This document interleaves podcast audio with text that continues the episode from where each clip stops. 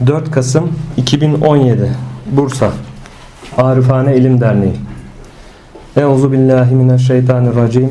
Bismillahirrahmanirrahim. Vel asr. İnnel insane lefî husr. İllellezine amenu ve amilus salihati ve tevasav bil hakkı ve tevasav bis sabr. Sadakallahul azim Elhamdülillahi Rabbil alemin Evet bu hafta Tedbirat-ı ilahiye dersimiz kaldığımız yerden devam ediyoruz. Geçen hafta 5. bölüm konu başlığı yalnız imama mahsus olan isim ve onun sıfatları ve halleri beyanındadır. Konusunun devamındayız. Ey kerim olan efendi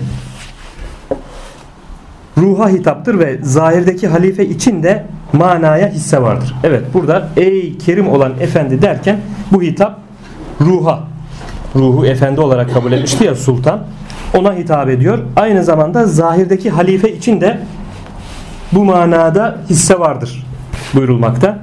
Sana şununla da vasiyet ederim ki idaren altındakiler ve tabilerin için lemhai barik ve hayali tarikin dışında bir şey tahalli etmeyesin.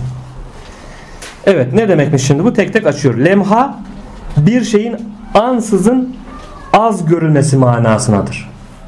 Lemha bir şeyin ansızın birdenbire ansızın ama az görünmesi manasına barik süratle şimşek gibi çakıp kaybolan şeydir. Hayali tarik gece göze görünüp süratle yok olan hayaldir. Tahalli ise süslenmek, zinetlenmek anlamındadır, manasındadır. Buradan ve biraz aşağıda beyan edileceği üzere Cenab-ı Şeyh burada tahalli yani zinetlenmek kelimesini tevhidi zahire çıkartmak manasında kullanmıştır. Tahalli, süslenmeyi tevhidi zahire aşikar olarak ortaya koymaya, çıkartmak manasında kullanmıştır. Meseleyi açacak şimdi. Şimdi ruhun idaresi altındakiler kuvvetler ve aza ve organlar olduğu yukarıda izah edildi. Zahiri halifenin idaresi altındakiler de ona tabi bulunan halktır. Zahiri halifenin zinetlenmesi diğer fertlerin zinetlenmesine benzemeyeceği için böyle bir zinetlenme ile zahir olduğu vakit, gözüktüğü vakit kendi makamının vahdetini zahire çıkartmış olur. Kendi makam, makamının vahdetini, birliğini zahire çıkartmış, aşikar etmiş olur, ortaya koymuş olur. Bu zinetlenme ve tevhid daima olmamalıdır. Daimi bir şekilde olmamalıdır. Şimdi burada biraz daha konuyu açalım. Ondan sonra okuyalım daha sonra açacağız. Çünkü halk ilahi bilgilerdeki kusurlarından dolayı halifenin değerini bilmezler. Halk kısmı, avam kısmı ilahi bilgilere uzak kalmaktan, teferruatıyla bu bilgilere sahip olamadığından, haiz olamadığından halifenin değerini bilmezler. Bu hakikatlerin değerini bilmezler.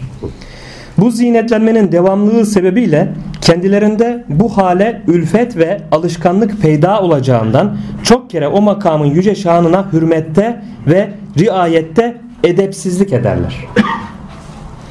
ve belki daima bu hale cüret ederler. Ve bu edepsizliklerine daima sürdürmeye kalkarlar. Buna cüret ederler, cesaret ederler. Bundan dolayı idare altındakilere karşı zinetlenme ancak şimşek gibi bir anda çakıp kaybolan ve gece göze görünüp süratle yok olan hayal türünden olmalıdır. Ki o makamın heybeti idare altındakiler üzerinden gitmesin.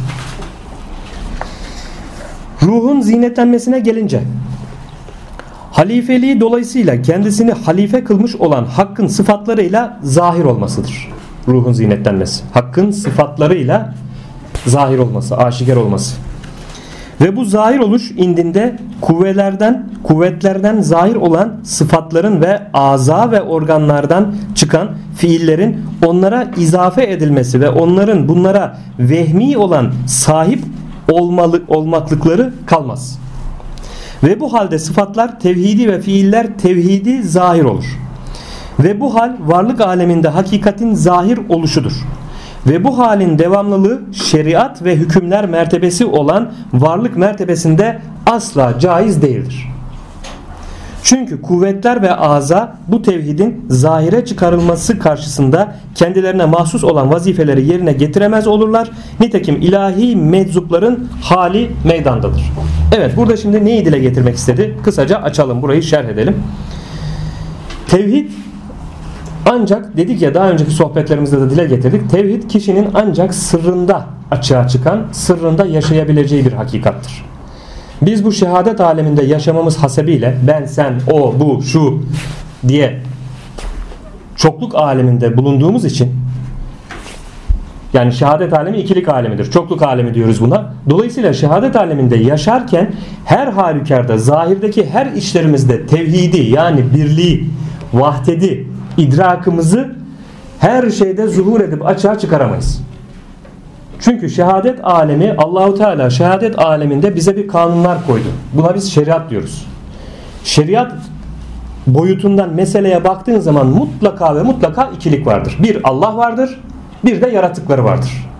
Dolayısıyla yaratıkları olarak biz kulları olarak Allah'ın emirlerine uymak, ona kulluğumuzu harfiyen yerine getirmek, şeriatın emirlerine uymakla mükellefiz.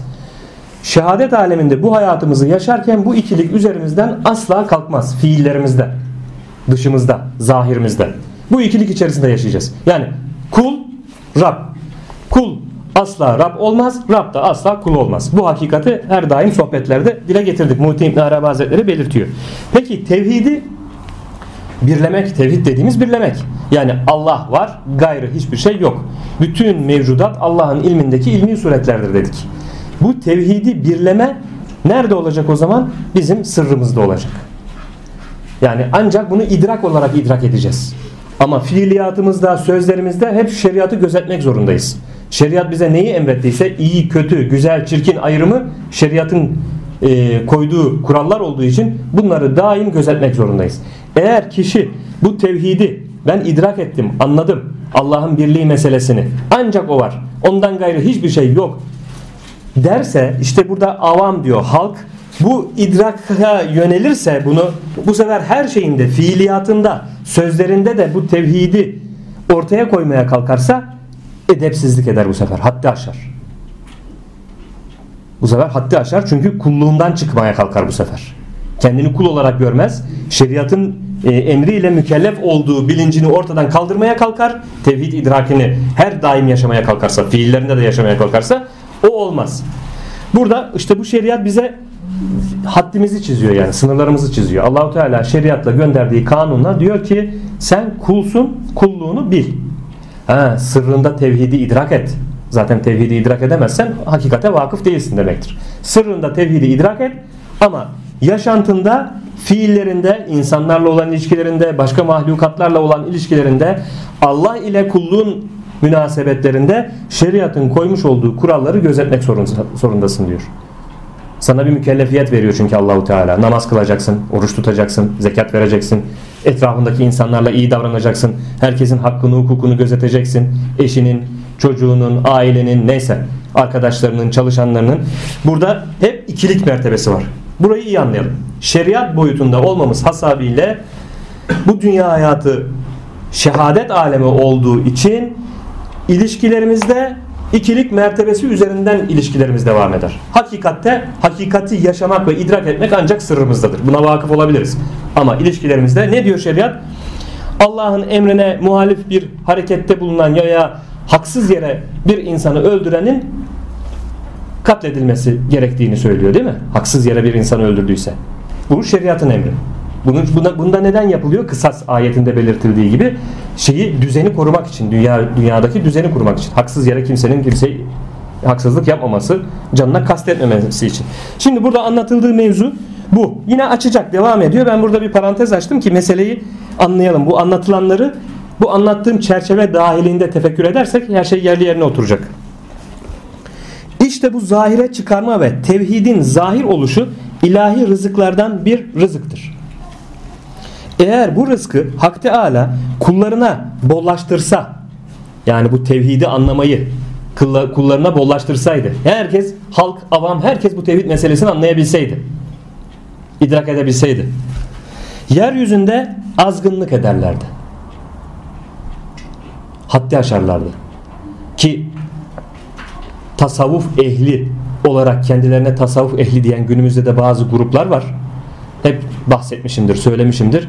Artık şeriatın hükümlerini kendi üzerlerinden düşürüyorlar. O ben Allah'ı anladım, idrak ettim. Ben tevhidi yakaladım. Abdestle namazda işim yok. Ben daim namazdayım. Allah'ın huzurunda her da zaim ben namazda sayılırım diyerek ne yapıyorlar? İşte azgınlık ediyorlar. Hatta aşıyorlar. Cemde kalıyorlar. Evet. Tabi fark makamına geçemiyorlar. Cem'de kalmış. Farkı anlayamıyor. Yani evet bu tevhidi anladıktan sonra idrak ettikten sonra bir de fark makamı var ki oradan tevhidi zevk etmek gerekiyor. Evet. Az, e, azgınlık ederlerdi. Yani bu varlık mertebesinin hükümlerine riayet edip kuvvetlerinin ve azalarının konuluşları doğrultusunda kullanamazlardı. Ve lakin Allah Teala bu rızkı dilediği miktar yani kulun istidat ve kabiliyeti kadar indirdi. Ayağını sabite dediğimiz mevzuya geliyor dayanıyor gene.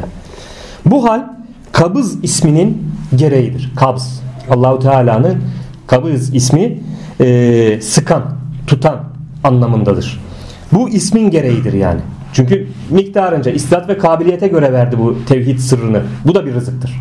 Tevhidi anlamak, idrak etmek meselesi de bir rızıktır tabi. Rızık deyince sadece yediğimizi düşünmeyelim. Bu ilimler de rızıktır yani. Bu ilimleri idrak edip anlıyorsak, bu idrak ettiğimiz, anladığımız hakikatler bizde yaşantıya dönüşüyorsa işte bu rızkı değerlendirmiş, kullanmış oluyoruz.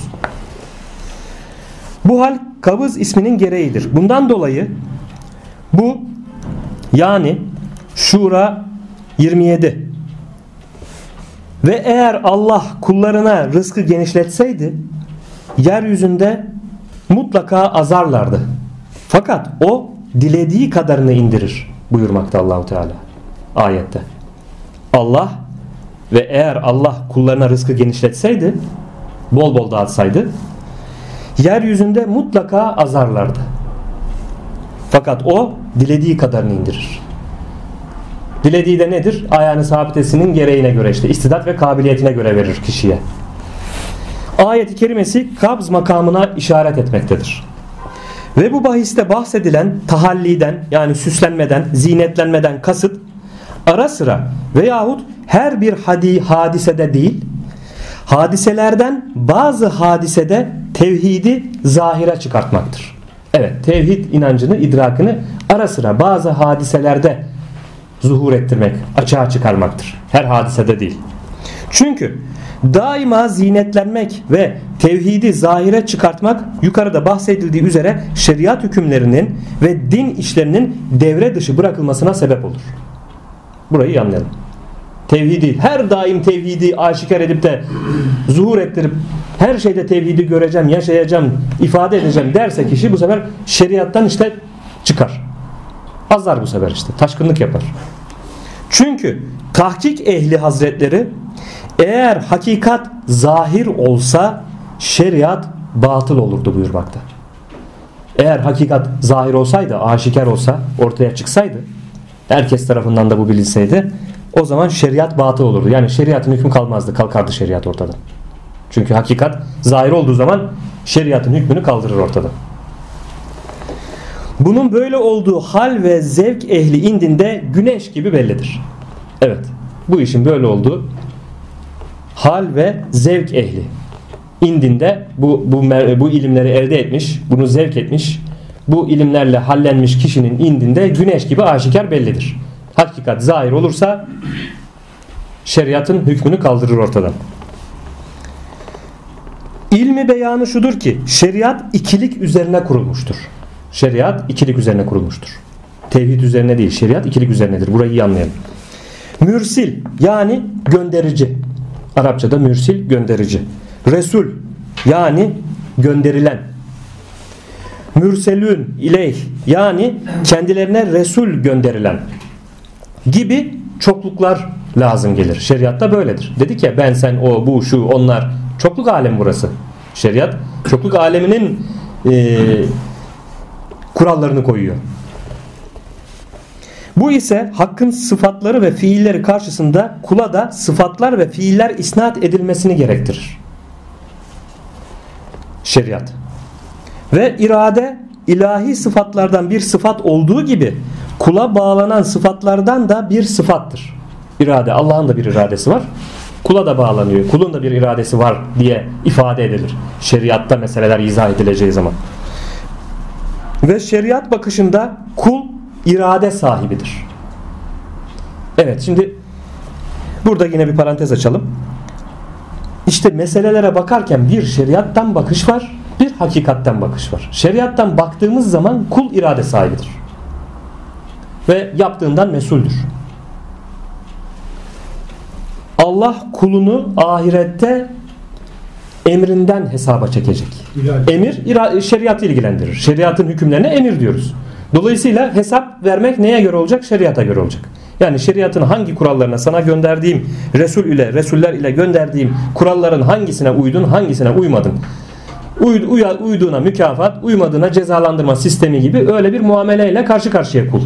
Burada kulun iradesiyle yani Allah'ın emrine uydu, uymadı. O emrine. Dedi ki Allah'ın daha önceki sohbetlerimizde iki tür emri vardır. Bir iradi emir, bir de işte böyle şeriat emirleri dediğimiz teklifi emri vardır. İradi emir dediğimiz tekvini emir, yaratılış emri dedik. Yani kişinin ayağını sabitesinin hakikati gereğini yapması gerekeni yapması. Bu mevzuları bunda işlemiştik. Bir de teklifi emir dedik ki şeriatın emirleri demiştik buna da. Şunu yap, bunu yapma. Namazını kıl, orucunu tut, işte haram yeme, faiz yeme. Bunlar da teklifi emirleri Allahu Teala'nın. İşte Allah bu teklifi emirlerinden hesaba çekecek kullarını. Evet şimdi burada devam ediyoruz. Ve irade ilahi sıfatlardan bir sıfat olduğu gibi kula bağlanan sıfatlardan da bir sıfattır. Ve şeriat bakışında kul irade sahibidir. Ve iradesinden dolayı mesuldür şeriatta. Bundan dolayı varlık aleminde ve bu şehadet mertebesinde hakkın iradesi karşısında kula da irade ispatı lazım gelir. Bu ise sıfatların tevhidine aykırıdır. Şimdi kula da bir irade verirsek, kulun müstakil bir iradesi vardır dersek o zaman ne diyor? Bu sıfatların tevhidine aykırıdır. Hakiki manada tevhide aykırıdır bu. Çünkü tevhid ehli bilir ki ancak Allah vardır. Bütün mevcudat Allah'ın ilmindeki ilmi suretlerdir. Dolayısıyla mutlak irade gene Allah'a döner. Allah'a aittir. Allah'tan gayrı bir varlık yok ki onun da bir iradesi olsun. Fiili hakiki tektir. Fiili hakiki tektir. Tevhid ehli bunu bilir. Ama şeriat boyutundan baktığımız zaman kula bir irade ispatı lazım gelir. Kul çünkü seçimini yapıyor. Doğru yol, kötü yol. Hangisinden gidecek? Ondan mı bundan mı gidecek? Ona göre ya cezalandırılacak ya mükafatlandırılacak. Fakat vücudun varlık mertebesine tenezzülünün gereği vücudun yani ilahi mertebeden varlık mertebesine tenezzülünün gereği bu hal olduğundan şehadet mertebesinde ikilik asıl ve tevhid geçicidir. Buraları iyi anlayalım. Şehadet mertebesinde ikilik asıl. Ben var, sen de var. O var, ben var. İkilik asıldır şehadet mertebesinde. Şu yaşadığımız alemde şehadet mertebesinde ikilik asıldır. Tevhid geçicidir. Diyoruz ya işte onun için diyoruz. Tevhidi ancak bu şehadet mertebesinde yaşarken ancak sırrımızda yaşayabiliriz. O tevhidin en e, üst noktalarındaki o sırlara, o zevklere ersek dahi bunlar nerede cereyan edecek? Tamamen sırrımızda. Kalpteki o sır denilen odada cereyan eder bunlar. Aziz Allah Celle Celaluhu. Ve geçici olan halin devamı ise caiz değildir. Madem ki tevhid geçicidir bu alemde, şehadet aleminde, ikilik aleminde geçici olan halin devamı caiz değildir. Yani tevhidin daimi, sürekli, kesintisiz olarak sürmesi bu tevhid inancıyla insanın bütün fiilinde, sözünde, kelamında her şeyi tevhide bağlaması uygun değil. Çünkü şeriat var ortada. Allah şeriatını göndermiş. Şeriata uy diyor. Bir kısım insanlar da işte burada hataya düşüyor. Burada sapıtıyor. Tevhide dair bir takım hakikatleri öğrendikten sonra bu sefer diyorlar ki ha ben tevhidi anladım, idrak ettim. O zaman ben diye bir şey yok. Fiili hakiki tek olduğuna göre şu Ahmet denilen şu bedenin sahibi ne iş yapıyorsa yaptığı hepsi aslında hakkın yaptığı. Haktan. Allah yapıyor haktan. O zaman her şey caizdir. Bunda buna bir engel yok. Çünkü artık ben yokum ortada. Ortada. Ben fani oldum. Hakta fani oldum. Ben kalktım ortadan. O zaman burada zuhur eden, bu bedeni yönlendiren, götüren, getiren, konuşturan Allah olduğuna göre her şey mübah. Allah'a yasak olur mu? Her şey mübah deyip çıkıyorlar. İşte burada hataya düşüyorlar. Böyle bir şey yok. Şehadet aleminde evet ben varım, kul kuldur, Rab Rab'dır. Ve kulluğumuzu layıkıyla yerine getirmek zorundayız. Adem Aleyhisselam'ın ceza almaması gerekir. Öyle olsaydı. Onun için burada mutlaka ve mutlaka bu hususu çok üzerinde tefekkür edilmesi gereken bir mevzu. Yani tevhidi dediğimiz gibi ancak sırrımızda yaşayacağız. Bu idrak olarak idrakı bileceğiz. Ama şehadet aleminde Allah'ın şeriatının emirleri bizi bağlayacak. Ne dediyse harfiyen yerine getirmek için gayret edeceğiz. Ne zaman ki kulun şehadet mertebesindeki taayyünü ölüm dediğimiz hal ile ortadan kalkar. Ölümle birlikte bu hal ortadan kalkar. Bu taayyüne bağlı olan ibadetler ve şeriat hükümleri de kalkar. Evet ölümle birlikte biliyorsunuz şeriatın hükümleri insanın üzerinden kalkıyor. Namaz kılmak, oruç tutmak, zekat vermek diye bir şey yok öldükten sonra. Nitekim Hicr suresi 99. ayette ve yakin gelinceye kadar Rabbine ibadet et buyurulmakta. Yakin gelinceye kadar Rabbine ibadet et. Ayet-i kerimesinde bu hakikate işaret buyrulur. Evet, mutasavvıflar, ehlullah bu ayeti böyle yorumlamıştır. Yakin gelinceye kadar Rabbine ibadet etten kasıt ölüm gelinceye kadar ibadet et. Bazıları yanlış anlam çıkaranlar da buradan diyor ki ben e, evet fiili ölüm değil ama ölümün ne olduğu hakikatini anladım. Bu şekilde ben öldürdüm. Hani ölmeden önce ölünüz hadisi şerifine binaen. Ben öldüm. O zaman yakin geldi bana. Hakikatleri öğrendim. Demek ki ibadet benden düştü. Deyip ibadetten kesiliyorlar bu sefer. Böyle bir şey yok. Bu ayeti bu sefer kendi hevalarına göre tevil etmiş oluyorlar. Öyle buradaki ayette ölümü kastedilmektedir. Ölüm gelinceye kadar. Çünkü bütün peygamberler ölüm gelinceye kadar Allahu Teala tarafından getirdikleri gelen şeriata uygun hareket etmişlerdir. Ve ona uyan bütün sahabe-i kiram, evliyaullah hepsi şeriata harfiyen uygun bir hayat yaşamışlardır. Buna rağmen günümüzde kalkıp da ben hakikate bir takım bir şeylere vakıf oldum. Bu ibadetlerin hükmü benden düştü diyen varsa böyle bir insana itibar edilmez. Bu artık tuzağa düşmüş bir insandır. Şeytanın tuzağına düşmüş, nefsinin hevasının tuzağına düşmüş, hevasını ilah edilmiş bir insandır. Ona itibar edilmez, sözüne itibar edilmez. Muhittin İbn Arabi Hazretleri der ki, getirse de Allah katından bin haber, şeriatı olmayana itibar edilmezler. Aynen böyle diyor. Yani bir takım olağanüstü sözler de söylese size, bir takım keramet gibi aslında ona keramet denmez, istitraç denilir. O takım şeyler zuhur etse bile o kişiden size bir takım sözler söylese hakikate dair artık ona itibar edilmez. O kişi rehber edinilmez. Arkasından gidilmez. Üzerinde şeriat yoksa o rehber olmaz. O takip edilmez. Arkasından gidilmez o insan. Sonuç olarak bu taayyün aleminde sürekli bir şekilde tevhidi zahire çıkartmak caiz değildir. Eğer olursa şeriat hükümleri devre dışı kalır. Ve şeriat hükümleri devre dışı kalınca bu insani mülk derhal şeriat hükümleri devre dışı kalınca ya derhal veyahut yavaş yavaş harap olur. Bu insani mülk, bu vücut ya derhal anında harap olur veyahut da yavaş yavaş. Mülkün derhal harap olması şudur ki kuvvetler ve ağza düzenli bir şekilde hareket edemeyip çevresiyle uyumsuz olur. Ve bu uyumsuzluklar Hazreti Mansur ve Hintli Sermedi Sermest ve benzerleri hakkında reva görülen hallere sebep olur.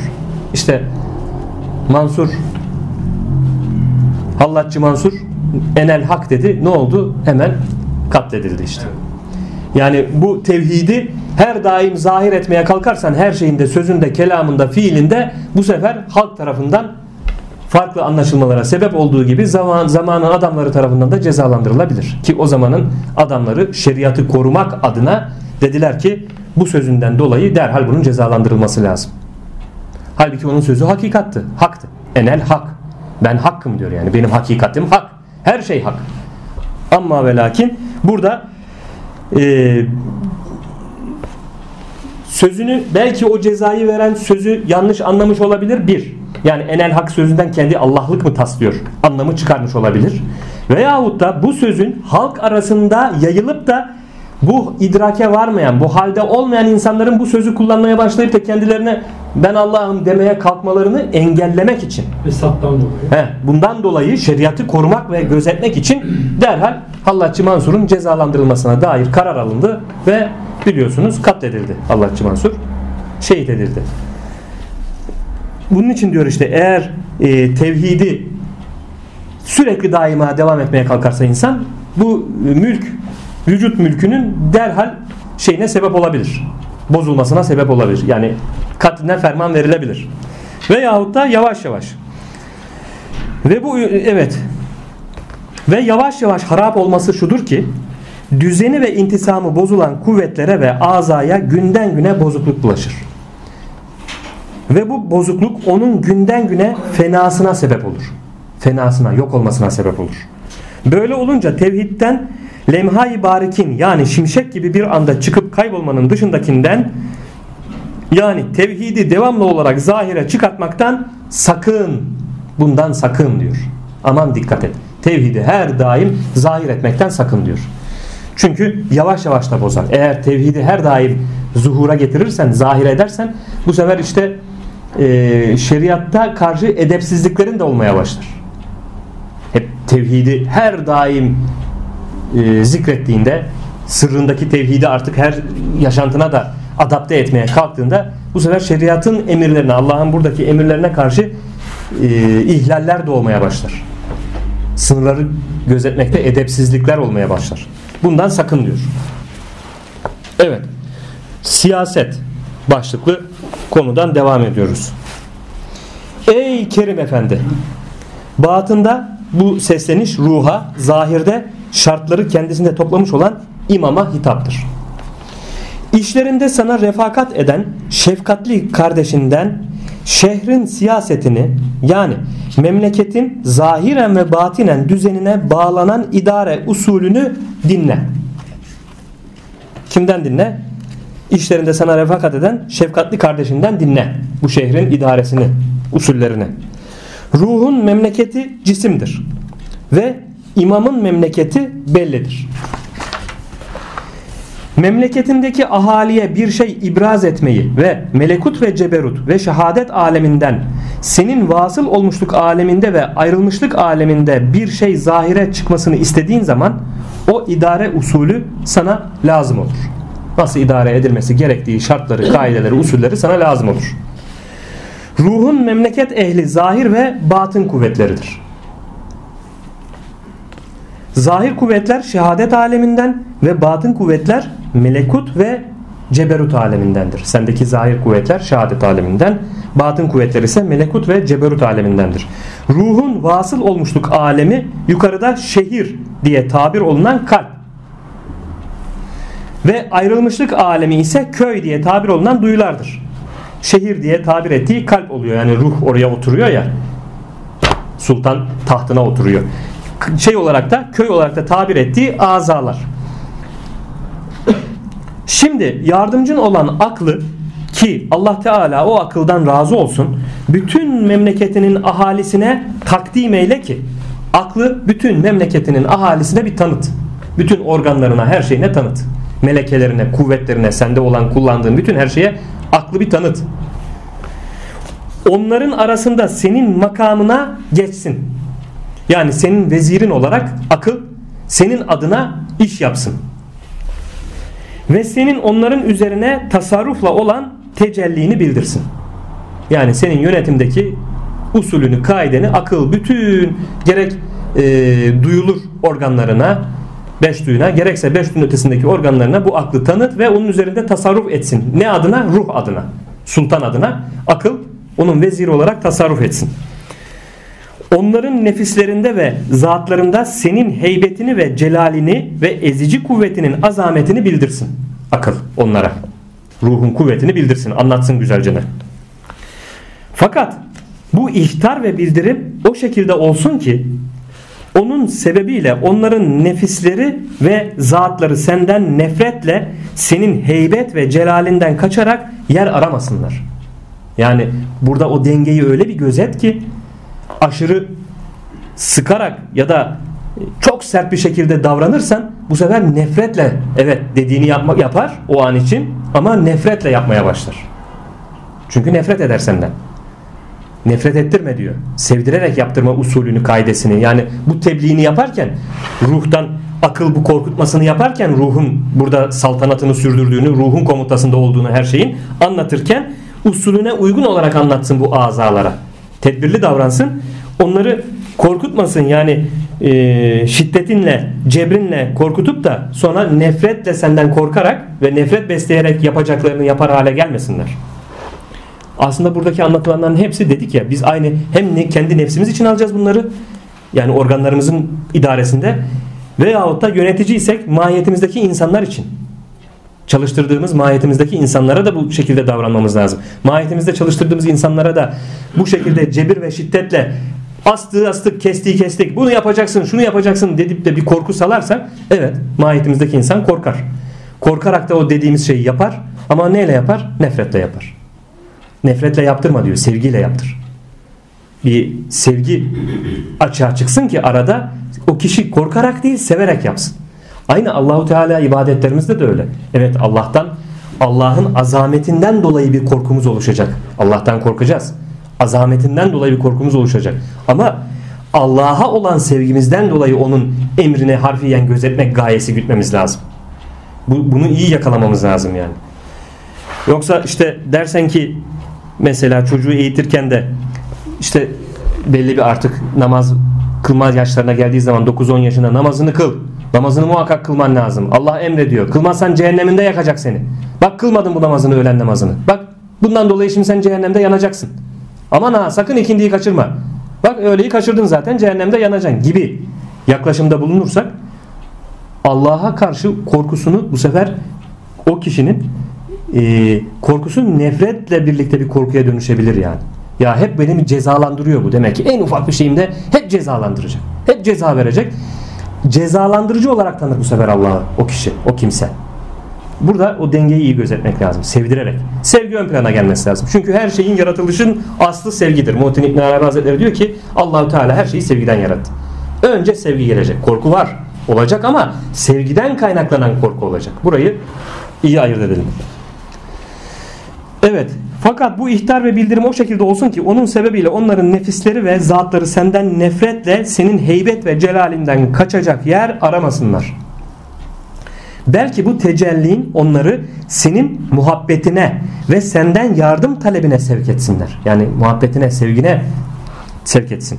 Bundan dolayı yardımcın onlara senin heybet ve celalini bildirdiği gibi akıl, senin heybetini, celalini, kudretini bildirdiği gibi onların kalplerinde senin şefkatini ve lütfunu ve rahmetini ve cömertliğini ve keremini ve sana karşı nazlanmalarına sebep olmayacak şekilde senin onlar üzerine olan ihsanının büyüklüğünü de bildirsin. İşte bu, bu yönleri de anlatsın akıl. İşte bu iki şekil çerçevesinde olan tecellin sebebiyle onlar sana büsbütün ümitsiz veya büsbütün laubali ve naz ehli olarak değil belki bu iki duygu kendilerinde orta halde olarak itidal ölçüsünde münaki olurlar. İşte o dengeyi iyi gözet. Ne labali olsun ne de tamamen ümitsiz korkuya kapılıp nefretle birlikte oluşmasın. Bu dengeyi gözetliyor. Eğer onlar sana karşı gevşeklik dairesinde muameleye meyletseler onların kalplerinde yerleşen ceberutun ve çok büyük olan ezici gücün onları kabz eder, sıkar, tutar ve sıkar. Ölçüsüz gevşeklikten onları engeller. Gevşemeye kalkarlarsa o zaman onları işte sıkar. Ve eğer onlar senin heybet ve celalinin üstünlüğüyle sürekli sıkı bir halde olmaya meyletseler senin acımanın ve şefkatinin dikkate alınması onlara rahatlama bahşeder. Bu sefer de ümitle korku arasında diyor ya Resulullah Efendimiz. Mümin ümit ile korku arasında yaşayacak. Havf ve reca. Bu dengeyi iyi yakalayacak kişi. Bu şekilde onlar heybet ve üns makamında korku ve ümit arasında olup şiddetli azaptan emin ve azametten korkar bir halde bulunurlar. Bu hal içinde onların hareketlerinde öyle bir sükunet ve yavaşlama olur ki güya onların başına kuşlar konmuştur da az bir hareket ile uçacaklarından korkarlar. Onlardaki korku zulüm korkusu değil. azamet korkusudur. Evet bahsetmiş olduğumuz korku işte azamet korkusu. Yani Efendimizin bize haksız yere kahrı yönelir diye korkmazlar. Belki acıma ve şefkatini ve türlü ihsanını bildikleri halde azametinin kemali karşısında titrerler. Bu makam beşeri kesafetten sıyrılıp birlik denizinde gark olmuş olan ve kutsi hadiste beyan buyurulduğu üzere Hak Teala onların işitmesi ve görmesi ve diğer kuvvetleri ve azası olup mukarreb yani yakınlaşmış meleklerin sıfatlarıyla vasıflanmış olan sınıf hakkında geçerli ve sabit olur ki işte böyle başında kuş varmış gibi kuş adeta uçmasın diye o kadar ağır hareket etme de bulunur bu makamda bu kişiler ki onlara taife-i melekutiye-i kerubiye denir. Ve Yunus suresi 62. ayette muhakkak ki Allah'ın evliyasına korku yoktur. Onlar mahzun olmazlar. Öyle değil mi? Ayeti kerimesi gereğince onlarda korku ve hüzün yoktur. Kulluksal vücutları hakkani vücutta gark olmuştur. Fakat bu sınıfın dışında olan kimselere gelince şiddetli azabın müşahadesi onları nazlanmaktan yani gevşemeye meylederek nazlanmaktan engeller.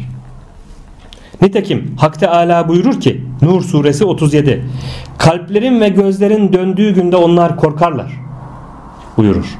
Ve yine buyurur ki Nahl 50 Onlar üstlerindeki Rablerinden korkarlar. Ayette böyle buyurulur.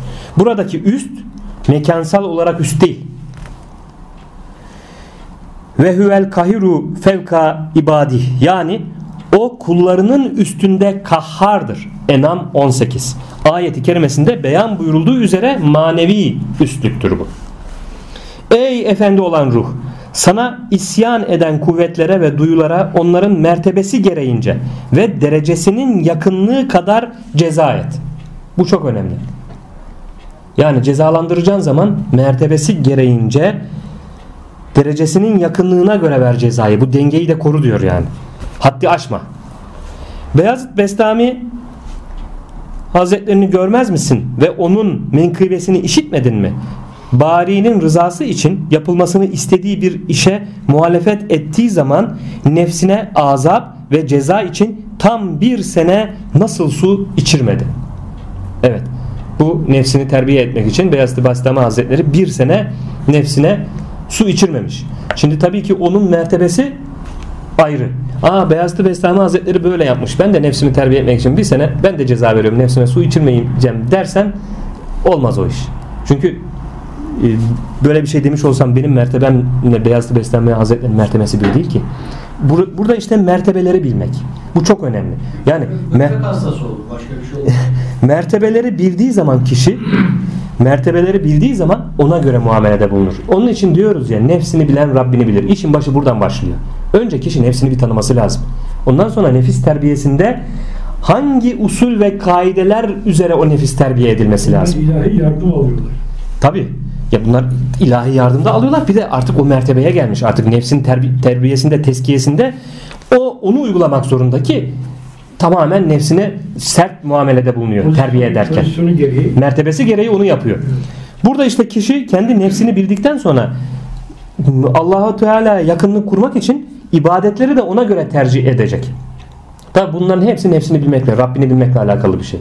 Kişi e, bedenen çok zayıf insan olabilir, hasta olabilir, bir takım hastalığı olabilir.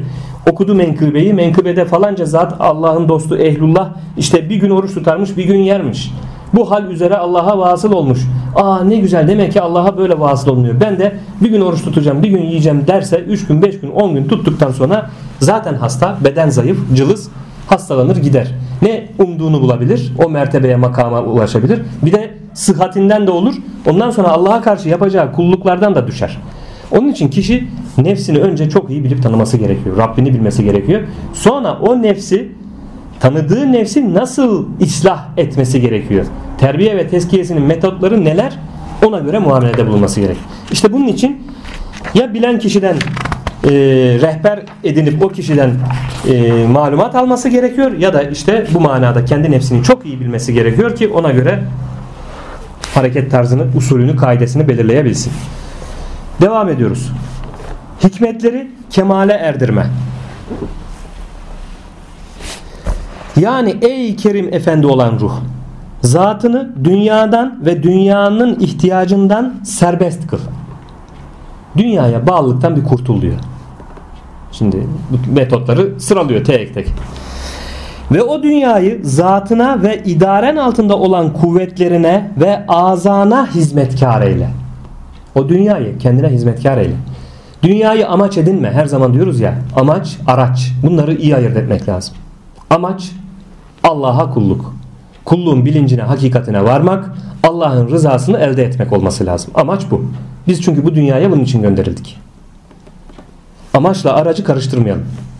Bu dünyada bu amacımıza ulaşmak için araç. Ama insanların çoğunluğu bu dünyayı amaç ediniyor. İşte burada iş karışıyor. Dünyayı amaç edindiği zaman tamamen dünyalığa meylettiği zaman hakikatinden de perdelik alıyor. Kemalatını da yakalayamıyor. Dünyası da harap oluyor, ahireti de harap oluyor. Devam ediyoruz. Çünkü senin şehadet mertebesinde açığa çıkman sendeki kemalatın açığa çıkartılması içindir. Burayı iyi anla diyor. Bu şehadet mertebesinde Allahu Teala'nın seni varlık vererek sana yaratmış olması, burada açığa çıkartması senden istediği bir şey var. Ne? Kemalatını açığa çıkartmak. Bizde bulunan bu kemalatı e, bil kuvve olan kemalatı bil fiil olarak açığa çıkartmak, yaşamak. Ve hakikatte dünyanın varlığı bu maksada hizmet içindir. Evet dünyada bunun için yaratılmıştır hakikatte. Eğer sen dünyanın hükümlerine dalıp gidersen bu yüce maksat yitirilir. Oysa Allah Teala'nın seni ehil kıldığı halifelik mevkiine göre dünya nedir? Bu halifelik mevkii kendisine dünya ve ahiretin bağlılığından pak ve mukaddestir. Evet bu halifelik öyle bir sır öyle bir hakikat ki bu dünyadan ve dünyanın içindeki her şeyden pak ve mukaddestir. Çünkü hakikatte seninle hak arasında varlıksal mertebelerden hiçbir mertebe yoktur. Eğer dünyaya ve ahirete ilgi duyarsan bunlar hak ile senin aranda perde olur.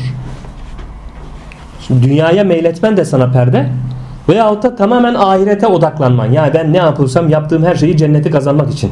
Oradaki derecemin yükselmesi için. Cennet duydum ki 100 katmış. İşte birinci katında olmayayım, ikinci katında olmayayım, 80'lerde 90'larda olayım, manzarası güzel olsun gibi düşünceler içerisinde cenneti kazanmak davasıyla yaparsan ibadetlerini bir muhasebeci hesabıyla sevap devşirme hesapları yaparsan o zaman da ahiret de seni perdeler. Neden perdeler? Allah'tan. Allah'ı bilmekten tanımaktan. Onun için diyor ne dünya seni Allah'ı bilmekten perdelesin ne ahiret cennete gitme arzusu Allah'ı bilmekten perdelesin. Bunların ikisinden de perdelenme. Nitekim dünya ahiret ehline haramdır ve ahiret dünya ehline haramdır. Ve her ikisi de Allah ehline haramdır. Buyurulmuştur. Hal böyleyken Allah Teala'nın buğz ettiği ve halk ettiğinden beri hiçbir kıymet vermediği dünyaya bağlılığın nasıl olur?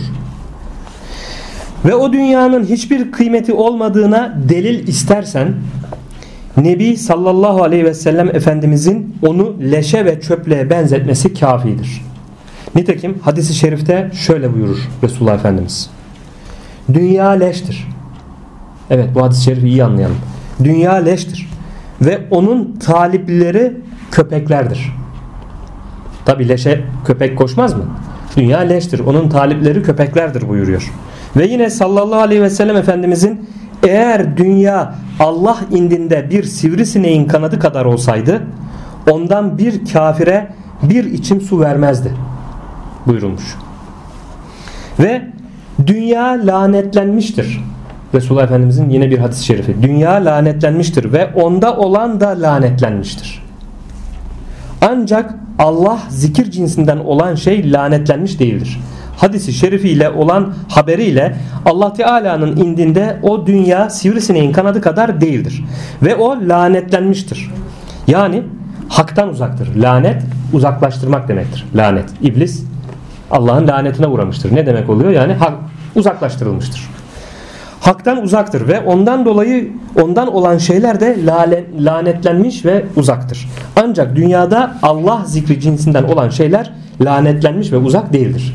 Allah'ı zikir halinde olmak, Allah'ın rızası istikametinde fiiller ve zikirler işlemek tabii ki bunlar uzak değildir. Bilinsin ki dünyanın lanetlenmiş ve uzak olması maddi uzaklık değildir. Belki manevi uzaklıktır. Çünkü dünya hakkın vücut mertebelerinden bir mertebedir. Dünya da hak, dünya ve içindekiler de hak değil mi? Onu da halk eden, yaratan Allahu Teala. Dolayısıyla o da hak. Bu manada uzaklık yani mekansal uzaklık olarak değil, mana olarak uzaklık.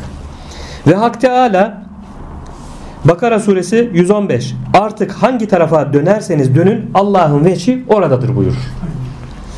Ayeti kerimesi gereğince onda zatı ve sıfatları ve isimleri ve fiilleriyle zahirdir. Ve Hak Teala Hadid suresi 4. ayette ve siz neredeyseniz o sizinle beraberdir. Ayeti kerimesi gereğince de bütün görünme yerleriyle beraberdir. Bundan dolayı hakkın beraber olduğu bir yerde lanet ve uzaklık yoktur. Uzaklık ancak bu hakikatten cahil ve gafil olanlara göredir. Cehaletle ancak uzaklık olur. Çünkü cahil kendisinin ve alemin vücudunu müstakil, müstakil bir vücuda sahip olduğunu zanneder cahil kimse ve hakkın vücudundan ayrı görür. Ve bu görüşten tabii ki uzaklık hasıl olur. Arif ise bu hakikati bilişi ve onun bu bilgisinin Allah zikri cinsinden oluşu ve bu bilginin öğrenme mahallinin ise dünya oluşu yönünden ona göre dünya için lanet ve uzaklık yoktur Arif'e göre. Çünkü hadis-i şerif gereğince dünyada Allah zikri cinsinden olan şeyler lanetlenmiş. Lanetlenmiş değildir. Şimdi Arif'in bakışı böyle olunca onun dünya ile münasebeti dünyanın aynı için değil ancak hak için olmuş olur. Şimdi ey Kerim Efendi Allah Teala'nın zahir bir nur cevheri olarak halk ettiği senin gibi bir halifenin himmetine göz ucu veya tam bakış ile sadece aynından dolayı yani görüşünden dolayı leş ve çöplük olan dünyaya kıymet verip bakmak ve ona köpekler gibi saldırmak yakışır mı? Ve dünyaya aynından dolayı kapılıp ona hizmetler etmek yakışır mı? Hak Teala Hazretleri şöyle buyuruyor. Ey dünya bana hizmet edene hizmet et. Dünyaya sesleniyor. Ey dünya bana hizmet edene hizmet et. Ve sana hizmet edeni hizmetinden çalıştır. Yine Ehlullah'ın bazılarının sözleri vardır. Dünyaya meyledersen dünya senden kaçar. Koşarsın peşinde. Ömrünü heba edersin. Allah'a meyledersen bu sefer de dünya senin peşinden koşar. Allahu Teala bu sefer senin dünyalık işlerini kolaylaştırır ki gönülde dünyalık işlerinle sıkıntı kalmasın ki Allah'a kulu meyletsin. Allah ile hemhal olsun. Çünkü dünyanın halk edilişinden kasıt olan şey kamil arifin zuhurudur. Ve dünya bütün gereçleri ve ilaveleri ile ona hizmetkar olmak için mahluktur. Nitekim Hazreti Sadi buyurur ki beytinde Bulutlar, rüzgarlar ve felekin ayı ve güneşi eline bir miktar ekmek geçirmen ve gaflet ile yememen için hizmet içindedirler. Evet o yediğim bir lokma ekmek var ya bunun oluşması için ne oluyor? Bulutlar, rüzgar, felek, ay, güneş koşturuyor değil mi? Onların bir devir daimi bir tavırları oluyor da o buğday yetişiyor, ekmek oluyor vesaire. Ve hepsi senin için hayranın ve itaatkarındırlar. Dünyadaki her şey. Yaratılmış olan. Senin memur olduğun hizmeti yerine getirmemen insafın şartı değildir buyurmuş Sadi. Yani memur olduğun bu hizmeti yap. Kulluğunu yaşa Allah'a karşı. Nankörlük yap. Nankörlük yapma. İnsaf et. İnsaf hak ettiğini hak ettiği şekilde muamelede bulunmak, yerine koymak demektir. Şimdi insanın memur olduğu hizmet ilahi bilginin öğrenilmesi ve bu bilgi içerisinde mabuduna ibadettir. Eğer bu istenileni terk edip çocuk eğlencesi mesabesinde olan dünya işleriyle meşgul olursan dünya sana hizmetkar olmaz. Sen dünyanın peşinde koşarsan dünya sana hizmetkar olmaz. Seni koşturur peşinde. tırmalar durursun. Sen dünyaya hizmetkar olmuş olursun bu sefer. Oysa madde bedensel vücudunun olgunlaşması için dünyadan sana lazım olan şey ne ise sana halifelik mevkiini bahşeden ve seni halife kılan hakkın ezelde kendi canibinden, kendi tarafından sana takdir etmiş olduğu o şey sana yetecek miktarda gelip seni bulur. Yani Allahu Teala bu dünya hayatında hayatını idame ettirmek için ne rızık takdir ettiyse o zaten gelip seni bulacak. Buna inan. Bundan dolayı idaren altında olan duyulara ve azana şefkat ile bezen ve onları dünya işlerinde fuzuli olarak zalimane işgal edip yorma. Yani dünyalık kazanacağım diye boş yere o azalarını yorma. Onlar da bizim mahiyetimizde bir nevi işçilerimiz öyle değil mi? Gözümüz, kulağımız, elimiz, ayağımız, midemiz. Bunlar da bizim bir nevi işçilerimiz. Maksada ulaşmak için kullandığımız işçilerimiz, aletlerimiz. O zaman diyor işçini ona göre e, boş şeyler için yorma. Belki hakkın rızasını kazanmak için onları meşgul et, yor. Fakat madem ki dünyevi ihtiyaçlarım bana ezelde takdir olunmuştur ve mutlaka bana gelecektir, o halde sebeplere teşebbüsü terk edeyim de deme. Böyle bir şey de yok.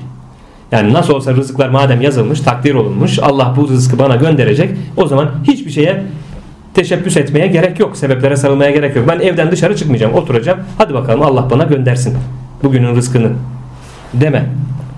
Hakkın sana itaatkar kıldığı bu ihtiyaçların talebinde kısa bir şekilde sebeplere teşebbüs eyle. Sen elinden geleni yap, sebebine başvur, takdir Allah'tan. Ve bu talepte zahmet ve mübalağa etme. Yani aşırıya gitme. Çünkü takdir edilmeyen şey hakkında ne kadar zahmeti ve mübalağayı tercih etsen sana gelmez. Yazılmadıysa gelmez boşuna yorulmuş olursun. Dünyanın hallerine bakarsan bu halin binlerce örneğini görürsün. Evet etrafımıza şöyle bir baktığımız zaman dünyada yaşayan insanlara bu halleri hakikaten binlerce örneğini görüyoruz. Ve insan doğduğu günden beri hallerini muhasebe edecek olursa görür ki binlerce isteğinden ancak birkaçına nail olmuştur. Diğer halleri aklından ve hayalinden geçmemiş olan şeylerdir. Madem ki halin hakikati budur, o halde talepte kısa kesip kurtuluşuna ve emirlerden ve yasaklardan ve sınırlardan hakkın sana teklif ettiği şeyle meşgul oluşun sebebiyle nefsini kurtarmaya çabala. Böyle olunca dünyevi görünme yerlerinden yüz çevirmeyi üzerine zorunlu kıl.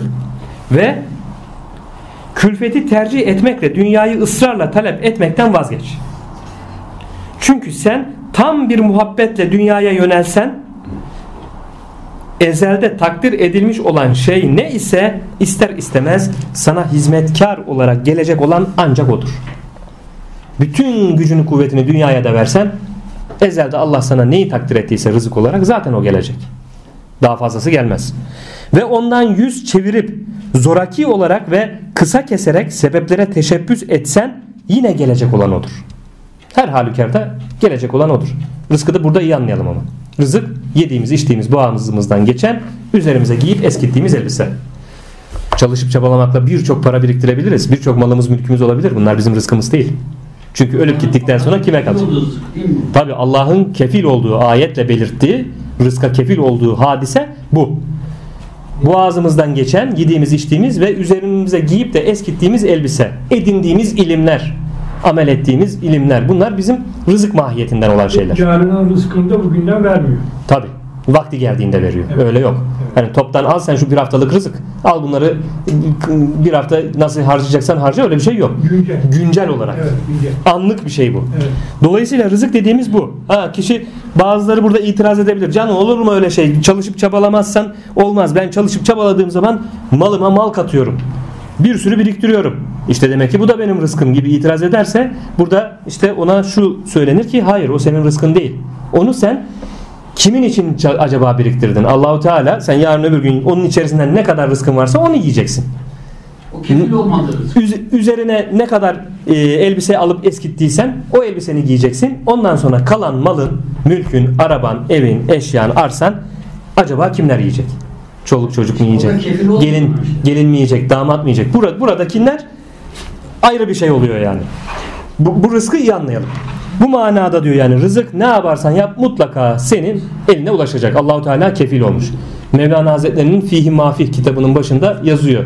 Ee, bu meseleyle alakalı her zaman onu örnek veririm. Heyhat şaşarım ki insanlara rızıkları peşinde koşar dururlar. Bilmezler ki rızıklar ulaşmak için insanların peşinde koşar durur diyor Mevlana Hazretleri. Bu rızık Allahu Teala'nın kefil olduğu rızık. Ölmeyecek kadar yiyeceğin, içeceğin, üzerine giydiğin elbisen. Bu hali izah olarak ashab-ı kiramdan Kabul Ahbar radıyallahu anh Hak Teala Hazretlerinin yukarıda tercüme edilen Tevrat'ı şerifteki hitabını beyan eder. Şimdi sen bu hakikati bilerek talepte kısa kesip idaren altında olan kuvvetler ve azan hakkında şefkat ile muamele edersen tabidir ki hem beden ve hem de kalp rahat eder. Bedeninde kalbinde rahat eder. Bunu buna inanırsan Allah'ın rızkını sana vereceğine. Şu halde sen beden ile kalbe rahatı bir yerleştir. Endişeye düşme, korkma. Eyvah çalışmazsam aç kalırım ne olur işte ölürüz biteriz. Böyle bir endişeye düşme. Bu Allah'ın rızkı sana vermeye kefil. Sen böyle yapınca ilk olarak kalpte bir takım boş emeller kesilir. Teslim olursan, teslimiyet gösterirsen Allahu Teala'ya rızkıma kefil nasıl olsa. Dur bakalım. Görelim Mevlam neyler, neylerse güzel eyler diyebiliyorsan, teslimiyet gösterebiliyorsan bu konuyla alakalı hemen bir parantez açmak istiyorum. Bir e, şey geldi aklıma. Evliyaullah'tan ismini şu an hatırlayamayacağım. Bir kıtlık zamanıydı diyor. Kıtlık zamanı herkes koşuşturma içerisindeydi. Etraftan işte yiyecek malzemelerini toplayıp e, stok ediyorlardı. Bu kıtlığın daha da uzaması bekleniyordu. Dolayısıyla herkes bu stokları yapmak derdindeydi. Herkes de bir üzüntü, korku, telaşe. Herkes işte buğdayları ambarlarına basıyorlar vesaire yiyeceklerini e, istif ediyorlar. Bu kıtlığın uzamasıyla birlikte halimiz ne olur korkusuyla. Bu hal içerisinde halk koşuşturma halinde gördüm diyor. Onları bu hal içerisinde seyrederken bir yolda, yolda sokaktan yürüyüp gidiyordum. Bir de baktım ki bir evin kapısında gölge bir yere oturmuş bir şahıs kestiriyor, şekerleme yapıyor, gölgeleniyor orada. Onun o rahat hali beni hayretler içerisinde bıraktı diyor. Herkes telaşı içerisinde eyvah bu kıtlıkta ne olur halimiz derken bu adam gayet rahat gölgede oturmuş keyif yapıyor. Gittim yanına dedim ki diyor bu kıtlıktan dolayı bütün ahali koşuşturmakta endişe içerisinde halimiz ne olacak derdinde tasasında senin bu rahatlığın nereden geliyor herhalde sen bütün erzakını kilerine depoladın artık kıtlık da gelse sıkıntı yok düşüncesi içerisindesin herhalde dedim diyor. O da güldü diyor bana. Ben diyor bu evin kölesiyim dedi. Benim efendim ben bu evin kölesiyim. Benim efendim muhakkak deposuna yiyeceklerini stokunu yapmıştır. E ben köle olarak burada beni çalıştıracağına göre beni de karnımı aç bırakmayacağına göre ben onun işlerinde hizmetçisi olduğuma göre efendim düşünmüştür yapmıştır. Ben niye endişe edeyim ki dedim diyor. O zaman kendime geldim diyor bu ehlullah. Dedim diyor ben Allah'ın kölesiyim. Bak bu şurada şu köle insandan olan efendisine olan güvenine bak. İnsandan olan efendisine güveniyor. Rızkıma nasıl olsa efendim temin etmiştir, depolamıştır diyor. E ben Allah'ın kölesiyim. Allah benim rızkıma kefilken bendeki bu endişe, bu korku nasıl olabilir? Hemen kendime tövbe istiğfar edip diyor. O halden sıyrıldım çıktım diyor. Teslimiyet. Teslimiyete geçiyor. Evet devam ediyoruz. Şu halde sen beden ile kalbe rahatı yerleştir. Sen böyle yapınca ilk olarak kalpte bir takım boş emeller kesilir ve daha sonra o emellerin oluşması iradesi gider. Çünkü iradesiz bir şeyin talep edilmesi geçerli olmaz. Ve irade araştırma ve incelemeye sebep olmak için harekete geçiricidir. Örneğin gönülde zenginlik emeli olunca irade onun oluşması için gerekli sebeplere sarf edilir. Bu sefer o yönde çalışmaya başlar. Ve irade senin ammende yani kuvvetlerinde ve azanda tasarruf eden hassandır. Yani kalbindir. Ve eğer hassan mazmun, mazmunda yani herhangi bir mananın oluşmasında gark olup bütünsel tasarruf ile tasarruf ederse ammen yani kuvvetlerin ve azan o tasarruf altında zebun olur. Ve sen hassan olan kalbine emirlere ve yasaklara ve ilahi sınırlara ait bir takım emirler vermiş olsan da artık ona uymaya hazır olamaz. Çünkü başka bir manada gark olmuştur. Ve o senin emirlerine uymayınca sen bu bölümde geçen ve ileride izah edilecek olan dört sınıftan idaren altındakiler için leim yani fena sayılan sınıfa dahil olmuş olursun. Hani idaresi altındakine fena sayılan sınıftan olursun o zaman. Yani ey Kerim Efendi olan ruh emrin zahiri yönünden yani şeriat olarak Nebi Aleyhisselam'ın tebliğ buyurduğu teklifi emir yönünden mahbubun ve matlubun olan hakkın isteği ne ise senin de iraden memleketin olan insani cisimde o isteğe bağlansın. Hak senden ne istiyorsa şeriatta sen de iradeni ona bağla. Allah'ın emirlerine bağla. Sakın ve Allah'tan kork ve iradenin hakkın isteği olan teklifi emrin ve şeriatın dışında bir şeye bağlanmamasına çalış. Şeriatın çizgisini gözet. Şeriatın dışındaki bir şeye kendini bağlama.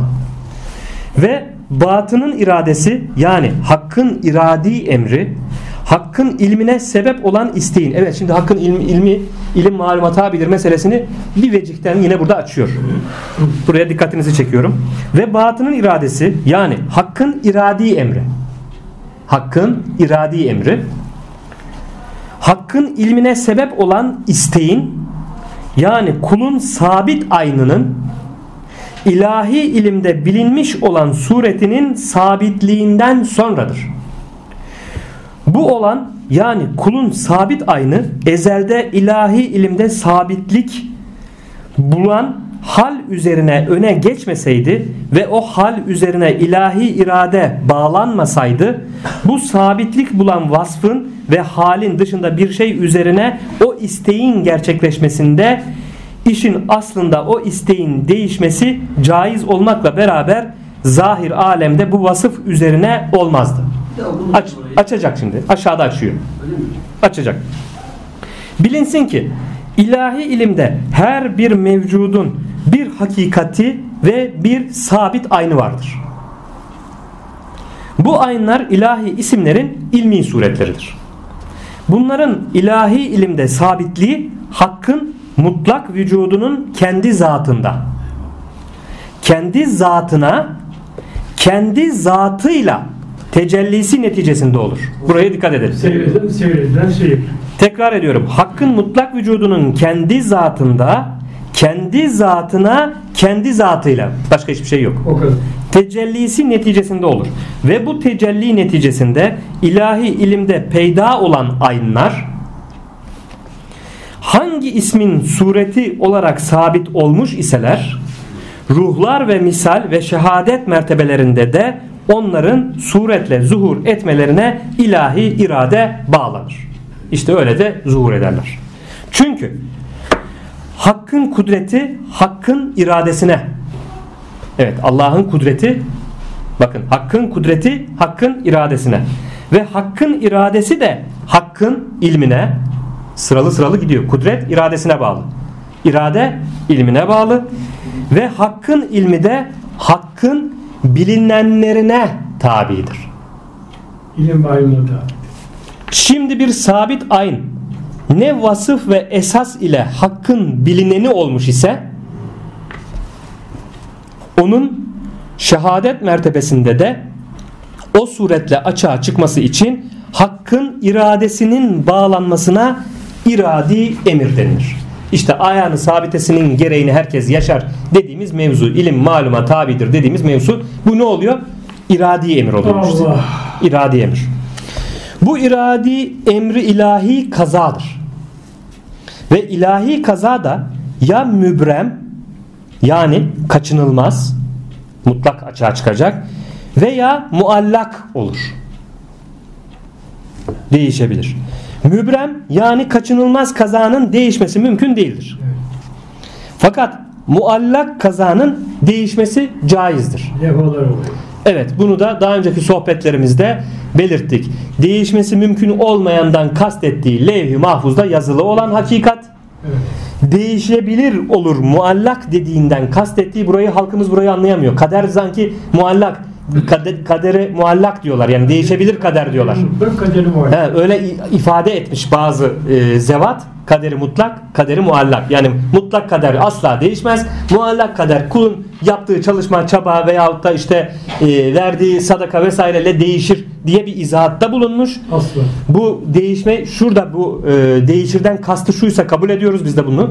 Yani levh-i mahfuzun altındaki levhalar yazılıp çizilen, bozulan, silinen levhalar ayette de belirtildiği gibi dilediğini sabit bırakır, dilediğini siler buyuruyor Allahu Teala. Bu levh-i mahfuzun altındaki levhalar. Bunlar evet değişir.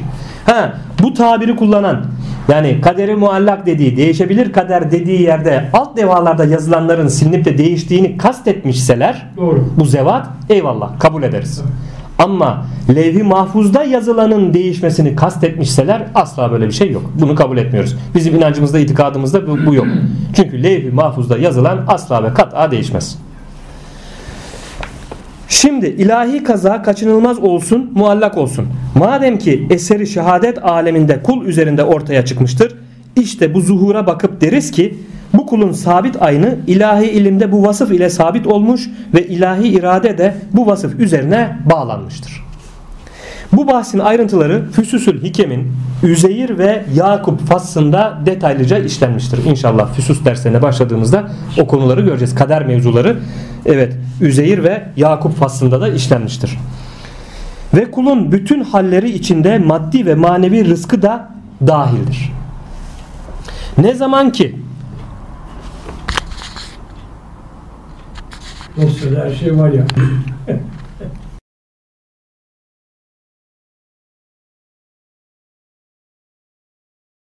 Yüz, yüz. Ne zaman ki bu izahlar karar kıldı.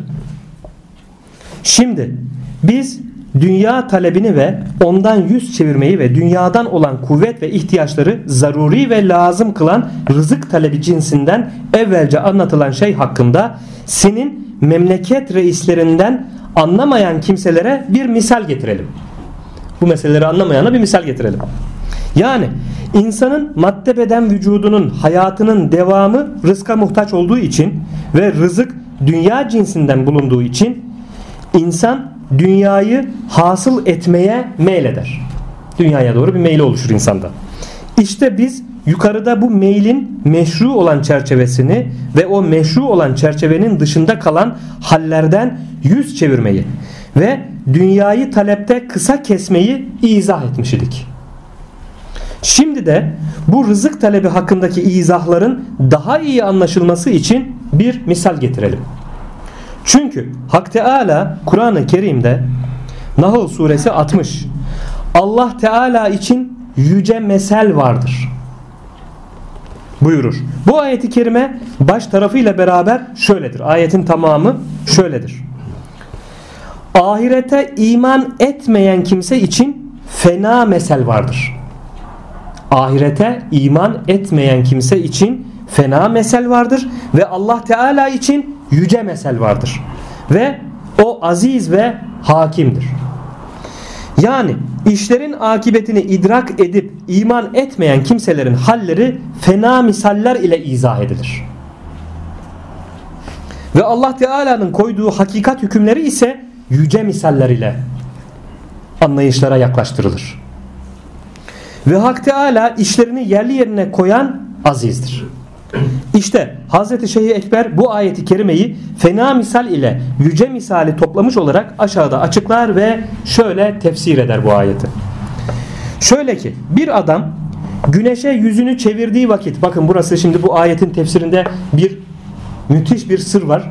Ee, İbn Arabi Hazretleri de bu kadarını dile getirmiş bırakmış. Biz de orayı açıklayıp o kadarını dile getirip bırakacağız. Geri kalanı anlayanların tefekkürüne bırakacağım. Yani Ehline mal. ehline malum. Onu e, özel sohbetlerde detayı açılabilir. Şimdi burada çünkü kayıt altında da alıyoruz. Evet şimdi bu ayeti İbn Arabi Hazretleri şöyle tefsir ediyor. Şöyle ki bir adam güneşe yüzünü çevirdiği vakit gölgesi arkasına düşer. Önünü güneşe alırsa ne oluyor? Arkaya gölge düşer. Güneş tarafına yürüdükçe gölgesi kendisine uyarak hareket eder. Gölgesi arkasından koşa koşa gelir güneşe doğru gittikçe. Bu gölge asla kendisine ulaşmaz. Bu hal takdir edilmiş rızkın nerede olursa olsun kendisiyle beraber bulunduğunu idrak etmeyen ve boş yere koşup yorulan kimse için fena bir misaldir. Şimdi burada bir bu, bu cihetten fena misaldir. Ne zaman ki güneş tam ortada feleğin kubbesinde onun başı üzerinde bulunur. Gökte tam orta noktada bulunduğu zaman gölgesi uzamayıp ayağının altında kalır kişinin gölgesi. Şimdi güneş hakkın vücudu. Güneş hak. Hakkın vücudu olarak tasvir ediyoruz. Ve gölge kulun vücudu. Ve güneşin tam tepede bulunması hakkın zati tecellisi olunca bu tecelli indinde kulun gölge hükmünde olan vücudu fani ve hak baki kalır. Ve hak kulun gölge hükmünde olan vücudunu kendi tarafına çekmiş olur. Hazreti Şeyh buyururlar ki devam eder. Burada bir sır vardır ki konuşarak açılamaz. Ve yazılmak suretiyle de bırakılmaz. Çünkü zati tecelli halindeki fena bizzat hakikatini yaşamaya ait bir meseledir. Çünkü zati tecelli halindeki fena bizzat hakikatini yaşamaya ait bir meseledir. Bizzat hakikatinin yaşanmasına ait olan bir hali sözlerle ve yazmakla ifade etmek mümkün değildir. Örneğin cinsel gücü olmayan bir kimseye cinsel ilişkiyi söylemek ve yazmak ile anlatmak asla mümkün olamaz. Ve bu zevki yani bizzat hakikatinin yaşanması sırrı Hak Teala'nın Furkan suresi 46 da belirttiği gibi Rabbini görmez misin? Gölgeyi nasıl uzattı? Ve eğer dileseydi onu sakin kılardı. Gölgeyi uzattıktan sonra o gölge üzerine güneşi delil kıldık. Ondan sonra da onu kendi tarafımıza yavaş yavaş kısaltarak çektik. Bu ayet çok sırlı bir ayet. İşte bu ayeti şimdi aslında burada açıyor Muhittin İbn Arabi Hazretleri. Tabi. Tekrar ediyorum bu ayeti. Burada büyük bir sır var. Tekrar ediyorum. Furkan 45-46. Rabbini görmez misin? Hitap ediyor bak. Rabbini görmez misin? Gölgeyi nasıl uzattı? Ve eğer dileseydi onu sakin kılardı. Gölgeyi uzattıktan sonra o gölge üzerine güneşi delil kıldık. Ondan sonra da onu kendi tarafımıza yavaş yavaş kısaltarak çektik. Bilinsin ki bu şerhin muhtelif yerlerinde de izah edildiği üzere hakkın mutlak vücudunun kendi zatına kendi zatında zatı ile tecelli buyurmasıyla ilahi isimlerinin ve sıfatlarının suretleri ilminde peyda oldu. Mesela bu. Tekrar ediyorum burayı. Hakkın mutlak vücudunun kendi zatına, kendi zatında zatı ile tecelli buyurmasıyla ilahi isimlerinin ve sıfatlarının suretleri ilminde peyda oldu. Bu suretler isimlerin gölgeleridir. Daha sonra mertebe mertebe tenezzül ile bu ilmi suretlerin gölgeleri şehadet aleminde en zahir olarak ortaya çıktı. Alem suretlerinden her bir suret hangi ismin görünme yeri olmuş idiyse o ismin hazinesinde gizli olan haller ve hükümler bu dünya aleminde ondan zamanla açığa çıkar. Ve bu hükümler ve eserler her görünme yerinin kendi hakikatinin gölgesidir. Evet kendi hakikati. Ayağını sabitin ne olmuş oluyor? Gölgesi oluyor işte buradaki vuku bulan her şey. Ve bu bölgeler ve bu gölgeler bu alemde ilahi işlerden başka şeyler değildir. Ve hakkın vücut güneşi bunlar üzerine delildir. Hakkın vücut güneşi bunlar üzerine delildir.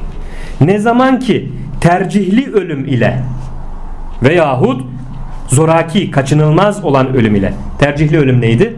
Yaşarken daha hayattayken ölmeden önce ölünüz hadis-i şerifin hakikatini anlayıp bu hakikatlere vakıf olmak. Ne zaman ki böyle veyahut da kaçınılmaz mecburi ölümle. Ruhun cesetten Azrail aleyhisselam gelip kabloyu kesmekle vuku bulan ölüm ile kulun vücudu hükmen veya fiilen fani olur. Bu ilahi işler kendi aslı tarafına yavaş yavaş kısaltılarak çekilir. İşte gölgenin çekilmesi gibi. Bu ölümle birlikte aslı tarafına çekilir. İşte hakikat o zaman ortaya çıkar. Burada iradi ölüm ile bu ölümü başarabilen bu hakikati daha dünya hayatında yaşarken idrak eder. Bunu başaramayan ölümle birlikte o Azrail Aleyhisselam'ın gelip de ruhunu kabz etmesiyle zaten o ke- kendi tarafına o hakikat çekilecek. Onu o zaman müşahede edecek, görecek. İşte bu misal Hak Teala için yüce bir misaldir. Demek ki bu yüce misal Hak Teala için anlayanlara, ehline bunlar yüce misal. Ötekine de fena misal dedi. Aşağıda olanlara. Dünya gafletinde olanlara. Gölgeye yönelenler için. Evet gölgeye yönelenler için. Daha sonra Cenabı Şeyh misale dönüp buyururlar ki daha sonra bu adam yüzünü gölgesine ve arkasına da güneşe dönüp gölgesine yetişmek için yürüse tabii ki gölgesine yetişemez. Tekrar misale geri döndü. Önce güneşe doğru dönmüştü. Şimdi arkasını güneşe döndü. Gölgeye doğru yüzünü döndü. Gölgesini yakalamak için koşsa tabii ki gölgesine yetişemez. Çünkü ortada iki gibi görünen ancak bir vücut vardır. Gölgesini nasıl yakalasın? Tek vücudu var onun gölgesi zaten o. İki gibi görünüyor ama bir hakikat var orada. İyi anlamak lazım bunu. Ulaşma ise iki vücut arasında olur. Birine gidip vasıl olmak, ulaşmak ancak iki vücut arasında olur. İki vücut yok ki diyor. Ve o kimse gölgesine doğru yürüyünce güneşe yönelmekten olan hazzını da yitirmiş olur. Gölgenin peşinde koşarsa güneşe dönmekten o hazzı da yitirmiş olur. Yani dünyanın vücudunu bağımsız zannedip güneş gibi zahir ve aşikar olan hakkın vücuduna yönelişini terk ederek bu vücudun gölgesinden ibaret olan dünyanın arkasından koşan adam iki yönden eli boş kalır. Hem dünyada boş kalır hem ahirette boş kalır. Birisi ebeden gölgeye yetişemez. Diğeri de hakka yönelişinden olan hazzını da yitirir. İşte bu gaflet hali için fena bir misaldir. Evet bu misalde fena bir misaldir. Ve bunlar o kimselerdir ki Hak Teala onlar hakkında Hadid suresi 13 Salt nur olan hakkın vücuduna arkanızı çevirip gölge olan dünyaya yönelip eli boş kaldınız. Bu halden kurtulmak için yüzünüzü hakka çevirip ondan bir nur arayınız buyurur ayet. Hadid suresi 13. ayet. Böyle bir kimse gölgeden ancak iki ayakları altında olan şeye ulaşmıştır. Ve gölgeden kendisinin yetişebildiği miktar ister güneşe dönsün, ister arkasını çevirsin, her hal ve zamanda kendisi için zaten hasıl olmuş bir şeydir. Ve bundan fazlasına yetişmesine imkan yoktur. Eğer yetişmek için koşarsa zaten elde olanı elde etmek için koşmuş olur ki bu da abestir. Zaten elde var bu. İşte bu yüce ve fena misal içinde güneş hakkın vücudu ve bu adam dünya gölgesidir. Ve iki ayağının altında olan şey de hayatın devamı için varlığı zaruri olan yaşam gıdası ve rızkıdır. İşte ey zeki okuyucu. Bu misale göre kendi halinin hakikatini iyice düşün. Ey kerim olan ey kerim efendi olan ruh dünya ancak senin için halk edildi. Çünkü sen manasın. Bunu anla. Senin zahir olman için suret lazımdır. Dünya ise surettir. Ve suret manasız olamayacağı için Hak Teala Hazretleri seni o suret olan dünya için halk etti. Ve o surete bağlantın için vücuda getirdi. Ve sen isimlere ait toplayıcılığa mazhar olduğun için eşyayı sana hizmetkar kılmak üzere vücuda getirdi. Bütün eşyayı halifesine, insana hizmetkar kılmak için vücuda getirdi Allahu Teala. Nitekim yukarıda izah edilmiş idi. Bu manayı teyit edici olarak Hak Teala Tevrat-ı Şerif'te şöyle buyurur. Ey Ademoğlu eşyayı senin için halk ettim. Senin için yarattım eşyayı. Mustafa Ve ve seni de kendim için halk ettim. Şimdi kendim için halk ettiğim şeyi senin için halk ettiğim şey de rezil etme. Diyor Allahu Teala. Tekrar edelim. Ey Ademoğlu eşyayı senin için halk ettim ve seni de kendim için halk ettim. Şimdi kendim için halk ettiğim şeyi senin için halk ettiğim şey de rezil etme. Yani seni, senin hakikatini gidip de dünyalık için rezil etme. Aslını, amacına, yaratılış gayene dön. Çünkü insan isimlere ait toplayıcılığa mazhar olduğu için ilahi suret üzerine mahluktur. Tabi Allahu Teala Adem'i kendi sureti üzere halk etti. Ve bu mazhar oluşu dolayısıyla hakkın cemaline bir aynadır. Bundan dolayı Hak Teala kendi cemalini insanı kamil aynasında müşahede eder. Görür orada, seyreder. insanı kamil aynasında. Böyle olunca onu kendi için halk etmiş olur. Ve onun çevresindeki bütün eşya onun vücudunun devamı için hizmetkardır. İnsan bu istidat üzere mahluk iken, bunun için yaratılmışken, kendi hizmetkarları olan eşyaya kapılır, dünyaya kapılır ve hakka arkasını çevirirse tıpkı bakanın karşısına konulan bir aynanın bu bakana arkasını çevirmesi gibi olur. Ve neticede kendi varlığından amaçlanmış olan gaye yitirilir. Ve Hak Teala bu hakikati Zariyat suresi 56. ayette ben cinleri ve insanları ancak ibadet etmeleri için halk ettim. Ayeti kerimesinde beyan buyurur. Ve ibadet bilgiye bağlıdır. Evet ibadet etmek için de bilgi lazım. Değil mi? Belli bir bilgi olması lazım ki neye ibadet edecek, nasıl ibadet edecek bunu bilsin. Çünkü bilinmeyen şeye ibadet edilmez. Ve ilahi bilginin anahtarı kişinin kendi nefsine olan bilgisidir. Evet döndük gene yolun başına. Nefsini bilen Rabbini bilire geliyoruz. Demek ki ibadet edebilmek için bilgi lazım. Neye nasıl ibadet edeceğiz? E bu bilgiyi de elde etmek için önce nereden başlayacağız? İlahi bilginin anahtarı kişinin kendi nefsine olan bilgisidir. Evet. Ve kişinin kendi nefsine olan bilgisi yukarıda anlatıldı. Yani bu alemde kendisi kendi hakikatinin gölgesidir. Ve hakikati olan sabit aynı ilahi isimlerin gölgeleridir. Evet biz şimdi kendi hakikatimizin gölgesiyiz burada değil mi bu alemde? Kendi hakikatimizin gölgesiyiz. Kendi hakikatimiz ne? Ayağını sabite dedik. Sabit aynlar. Sabit aynlar ne? Onlar da ilahi isimlerin gölgesi. Biz ayağını sabitemizin, kendi hakikatimizin gölgesiyiz. Ayağını sabitemizde ilahi isimlerin gölgesi. Onların hakikati de ilahi isimler. Ve ilahi isimler isimlendirdikleri hakkın aynıdır. İlahi isimlerde kimin ismi? Hakkın ismi. Hakkın ismi. Şimdi kişiye kendi hakikatinden maddi olsun manevi olsun zaman içinde inen şey onun bu alemdeki rızkı cinsindendir. Maddi manevi ne ulaşıyorsa kişiye işte rızkıdır.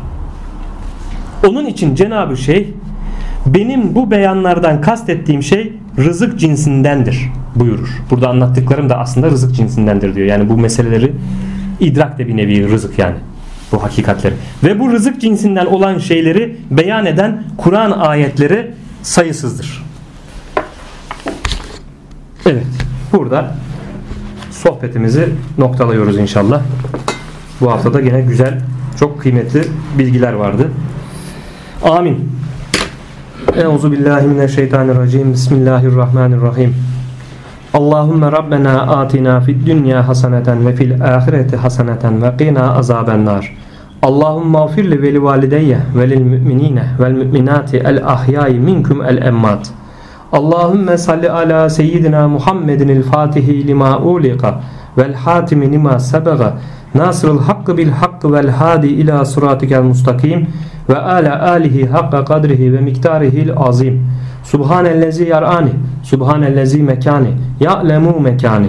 Subhanellezi yar'ani Esselatu ve selamu aleyke ya Resulullah Esselatu ve selamu aleyke ya Habiballah Esselatu ve selamu aleyke ya seyyidel evvelin vel ahirin salavatullahi aleyhim ve aleyna ecmain Subhane rabbike rabbil izzeti amma yesifun ve selamun alel murselin. Velhamdülillahi rabbil alemin. El Fatiha